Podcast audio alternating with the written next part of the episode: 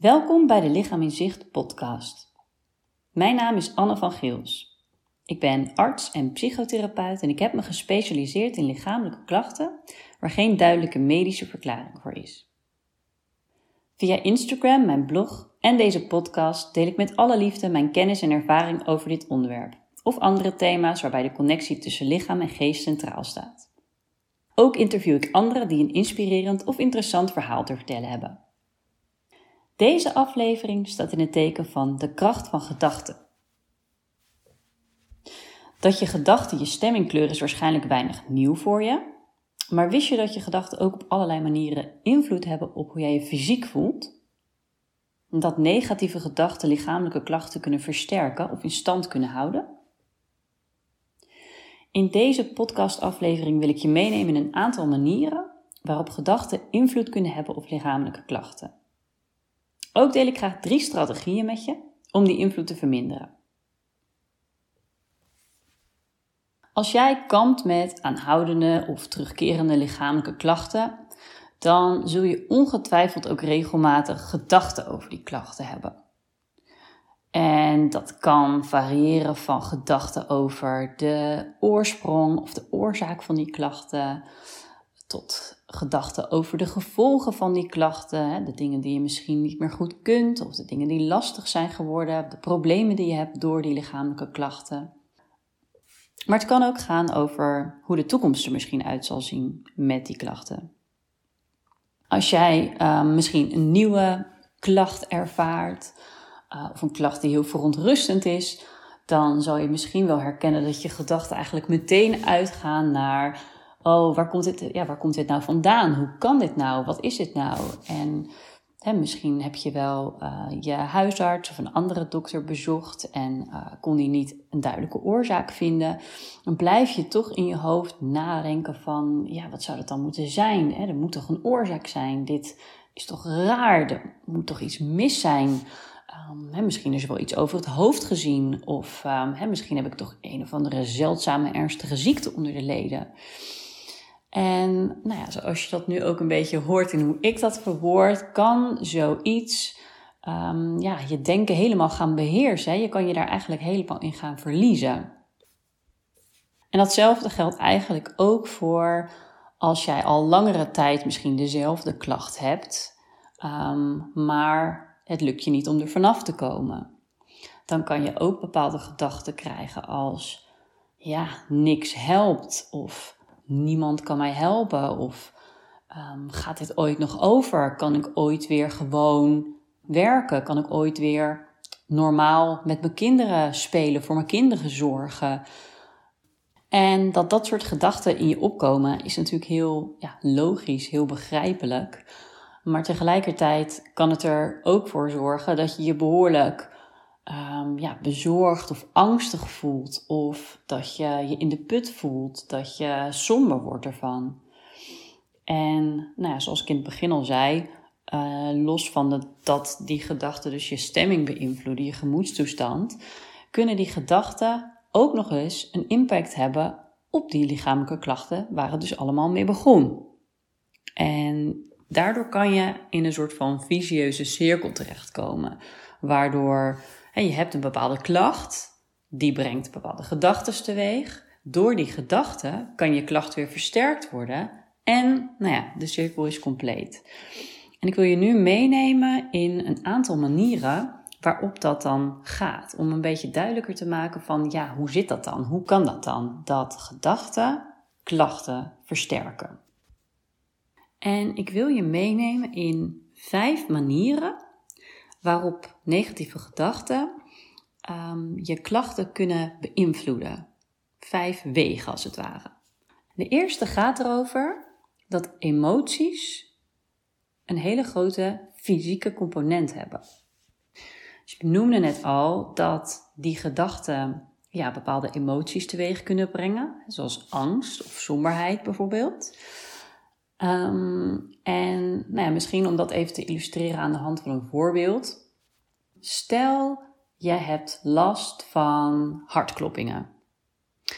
En jij merkt op een zeker moment ineens dat je hart als een gek keer gaat.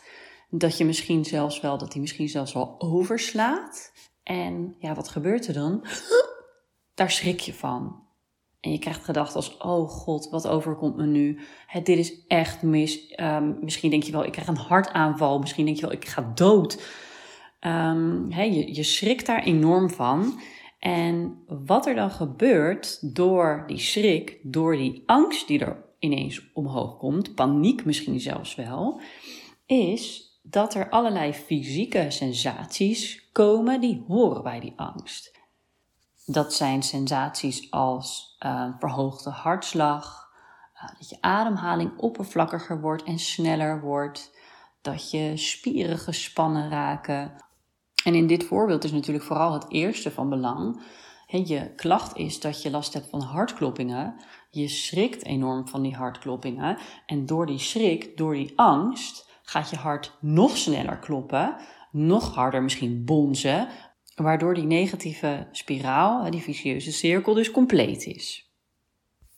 En iets vergelijkbaars kan dus optreden met bijvoorbeeld een klacht als benauwdheid, maar kan ook met pijnklachten bijvoorbeeld. Als je pijnklachten hebt en je bent daar heel bezorgd over, je voelt daar angst bij, uh, dat kan ook maken dat, jij, ja, dat je spieren strak gespannen staan, uh, dat je spieren zich aanspannen um, en dat je daardoor, dat die, die, die toegenomen spierspanning ook je pijn als het ware weer versterkt. Dus ook weer zo'n vicieuze cirkel. Dat is de eerste manier waarop negatieve gedachten je klachten kunnen versterken. Dus eigenlijk door de emoties die die gedachten veroorzaken, die je klachten weer versterken. Een andere manier waarop emoties klachten kunnen versterken is doordat negatieve emoties, zoals uh, angst en somberheid, maar ook boosheid, um, die kunnen je ontvankelijker maken voor het ervaren van lichamelijke klachten en met name pijn. Als jij je kalm en ontspannen en geliefd voelt, dan zal jouw lichaam bepaalde stofjes, um, hormonen, neurotransmitters aanmaken die ervoor zorgen dat pijn gedempt wordt. Als je misschien um, een van de twee vorige podcastafleveringen hebt geluisterd, waarin ik um, twee gasten heb geïnterviewd die veel expertise hebben op het gebied van chronische pijn, dan heb je daar waarschijnlijk wel uit onthouden dat pijn een complex fenomeen is waarop van alles van invloed is. Um, dus pijn is eigenlijk een waarschuwingssignaal van je brein. En om als het ware tot de conclusie te komen dat er gevaar heerst, gebruikt je brein allerlei informatiebronnen. En in die binnenkomende informatie vindt ook een soort van filtering plaats. En op het moment dat jij dus negatieve emoties ervaart, um, zullen er meer ja, gevaarboodschappen als het ware binnenkomen. Dus ben je gevoeliger voor pijn. Hetzelfde gaat waarschijnlijk ook op voor allerlei andere lichamelijke klachten. Dus dat is de tweede manier waarop negatieve gedachten lichamelijke klachten kunnen versterken. Nou, als jij iemand bent die ook veel piekert over je klachten, Waarbij piekeren betekent dat je ja, als het ware vast komt te zitten in een bepaald denkpatroon, een bepaald negatief denkpatroon. Dat je keer op keer die gedachten herkoudt als het ware en ook in een cirkeltjes redeneert. Als jij dat herkent, dan zul je misschien ook wel herkennen dat dat proces ontzettend veel energie kost, mentale energie. Dus een derde manier is dat piekeren klachten als vermoeidheid ook in de hand kan werken, omdat het gewoon heel veel energie kost. En een andere manier die daar dan een beetje aan gekoppeld is wel, is dat piekeren er ook voor kan zorgen dat je minder goed slaapt. Veel mensen piekeren juist op het moment dat ze s'avonds in bed gaan liggen of dat ze s'nachts misschien wakker worden. En um, als je eenmaal in dat piekeren terechtkomt, kan het ervoor zorgen dat je moeilijk in slaap komt. Um, dus dat je ook minder goed slaapt. En um, ja, slecht slapen kan natuurlijk vermoeidheid veroorzaken, maar slecht slapen zorgt ook voor een toename van pijn. Dan de laatste manier waarop negatieve gedachten klachten kunnen versterken of in stand kunnen houden, heeft te maken met je gedrag. Dus ik zei eerder al dat gedachten vaak bepaalde gevoelens, bepaalde emoties met zich meebrengen. En die emoties die sturen vervolgens vaak ook weer ons gedrag, hoe we ons gedragen. En dat kan dan bijvoorbeeld gaan over de manier waarop je reageert op je klachten of over hoe je omgaat met je lichaam in het algemeen. En ja, het klinkt nu misschien een beetje vaag, dus ik zal dit ook weer even illustreren aan de hand van een voorbeeld.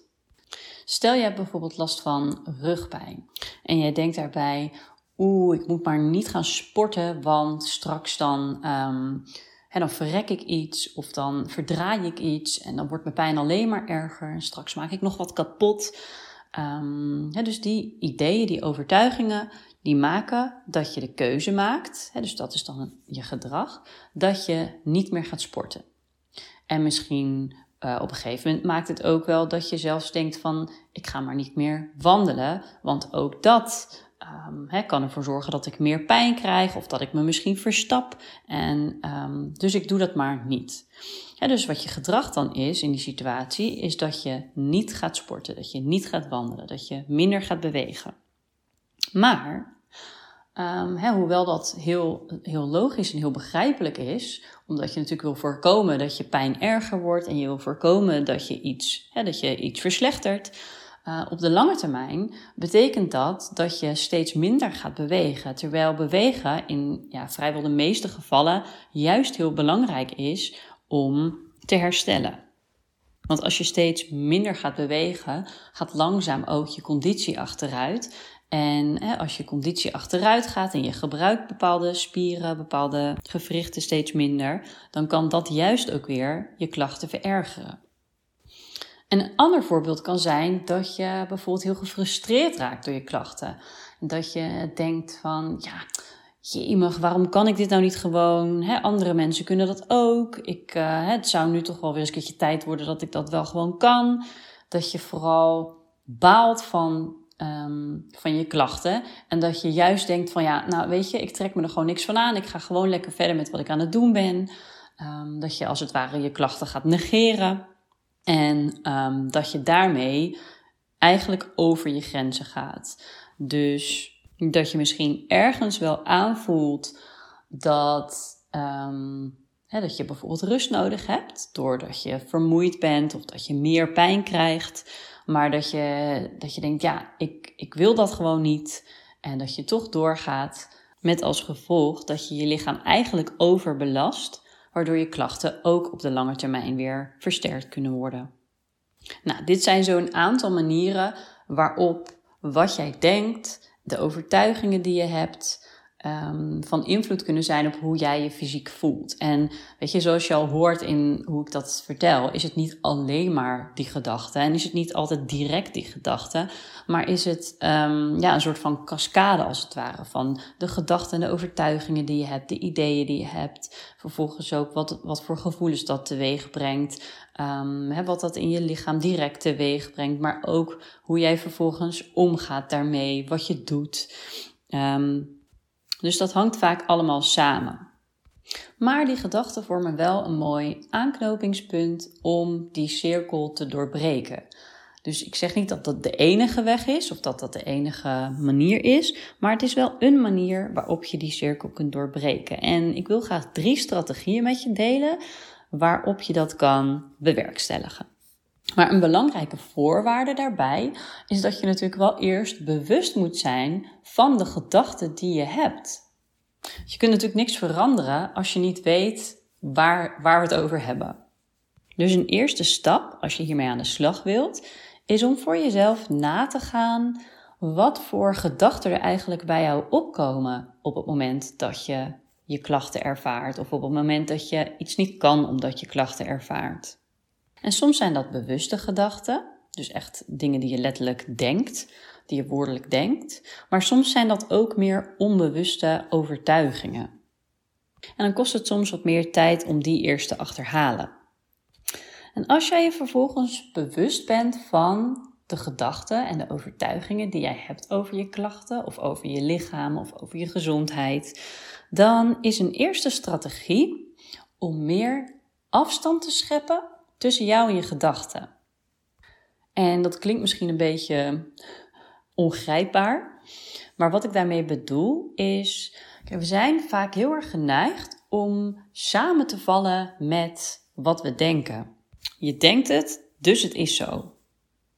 En door je alleen al bewust te worden van wat je gedachten eigenlijk zijn, namelijk ja, eigenlijk gewoon een stroom aan woorden die je, die je hersenen produceren, ehm, kan er wat meer afstand ontstaan tussen jou en je gedachten, waardoor je niet zo snel meer helemaal in beslag genomen wordt door je gedachten. En jij hebt dan ook de keus wat je wilt doen met de gedachten die in je opkomen. Want kijk, je kunt niet beïnvloeden welke gedachten opkomen in jouw hoofd, maar jij kunt wel, zodra je je bewust wordt van dat proces, invloed uitoefenen op wat je daarmee doet. En op het moment dat jij constateert dat je bepaalde gedachten hebt die jou helemaal niet vooruit helpt, kan jij er wel voor kiezen om daar niet helemaal in mee te gaan. Een tweede manier, een tweede strategie, is om het waarheidsgehalte van je gedachten te onderzoeken. Want we nemen onze gedachten vaak automatisch voor waar aan, terwijl ze lang niet altijd een goede afspiegeling zijn van de werkelijkheid. En ook al zijn ze dat wel, of zijn ze wel, zit er wel een kern van waarheid in, ook dan helpen onze gedachten ons lang niet altijd verder in de richting waar we eigenlijk op willen. Dus je overtuigingen onder de loep nemen en is kritisch te kijken naar klopt het eigenlijk wel wat ik allemaal denk? He, waar baseer ik dat dan eigenlijk op? En kan ik daar misschien ook op een andere manier naar kijken? Biedt jou vervolgens ook de mogelijkheid om jezelf een verhaal te gaan vertellen dat jou daadwerkelijk vooruit helpt. Vaak zijn er best wel meerdere manieren om naar eenzelfde situatie te kijken. Stel, jij was vroeger hartstikke sportief en je kon de marathon rennen. En nu kan je door je klachten, nou ja, nauwelijks 10 minuutjes wandelen. Kijk, dan kan je natuurlijk um, die vergelijking blijven maken en denken van, ja, ik kan niks meer en het, het wordt vast nooit meer zoals vroeger. En dat zijn gedachten waar je jezelf heel erg mee de put in kan praten. Maar je kan ook denken, ja, ik kan nu maar 10 minuten wandelen. Maar als ik gewoon langzaamaan train, langzaamaan oefen en bijvoorbeeld elke dag aan de slag ga en elke dag 1 minuut erbij doe, nou dan kan ik morgen 11 minuten wandelen. Dan kan ik overmorgen 12 minuten wandelen.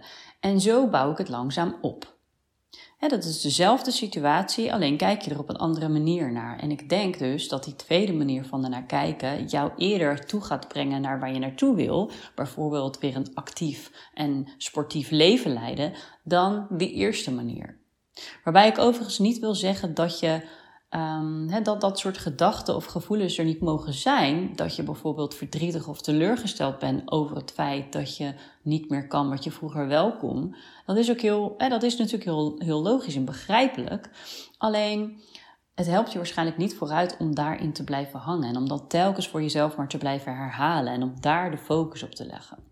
Dus ik denk ook dat het er allebei tegelijk kan zijn. Dat je tegelijkertijd um, kan balen verdrietig kan zijn om hetgeen wat je nu niet meer kan of hetgeen wat je misschien nu niet meer hebt, maar tegelijkertijd ook te proberen de moed erin te houden en te kijken naar wat wel kan. En eigenlijk is dat ook al meteen dan de derde strategie, namelijk bewust je aandacht verleggen. En daarmee bedoel ik dat Hoewel onze aandacht van nature het meeste uitgaat naar datgene wat bedreigend aanvoelt, zoals bijvoorbeeld negatieve gedachten of lichamelijke klachten, dat je wel kunt leren om actief je focus te verplaatsen. Dus bijvoorbeeld van negatieve, niet helpende gedachten naar meer steunende en hoopvolle gedachten. Maar het kan ook bijvoorbeeld zijn um, om je aandacht te verplaatsen van um, het verleden of de toekomst piekeren heeft vaak betrekking op het verleden of de toekomst, um, naar het nu. Of dat je je aandacht verplaatst van het denken naar meer het waarnemen en het voelen.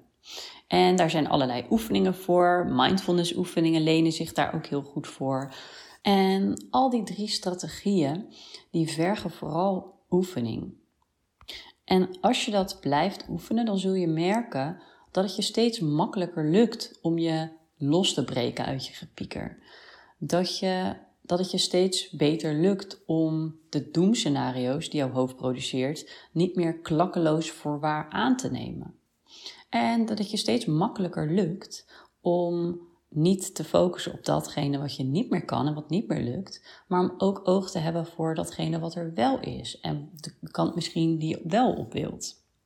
En daardoor zul je ook stukje bij beetje minder angst en spanning ervaren en meer rust en vertrouwen. Zul je je minder gefrustreerd en somber voelen, maar zul je bijvoorbeeld meer hoopvoller naar de toekomst kunnen kijken. En dikke kans dus dat als dat je steeds beter lukt, dat het ook invloed heeft op hoe jij je fysiek voelt en hoe jij je lichamelijke klachten ervaart. Nou, mocht jij hier actief mee aan de slag willen, dan heb ik een online training ontwikkeld, Rust in je hoofd, rust in je lijf, waarin ik je die drie strategieën concreet ga leren. Die online training bestaat uit een online masterclass, die je ook in podcastvorm kunt beluisteren als je dat fijner vindt, waarin ik die strategieën nog wat verder ga toelichten, en een werkboek met oefeningen. Bij elk van de drie strategieën zitten verschillende oefeningen waarin jij leert die vicieuze cirkel van negatieve gedachten en lichamelijke klachten te doorbreken. En het is echt mijn doel geweest om jou concrete, praktische tools aan te reiken waarmee jij zelf aan de slag kunt. Mocht je daar interesse in hebben, kijk dan even op www.lichaaminzicht.nl/aanbod. Via die link vind je meer informatie over de training en met de kortingscode podcast krijg jij maar liefst 20 euro korting. Je betaalt dan geen 59,95, maar 39,95. Voor nu zou ik zeggen, bedankt voor het luisteren en graag tot een volgende keer.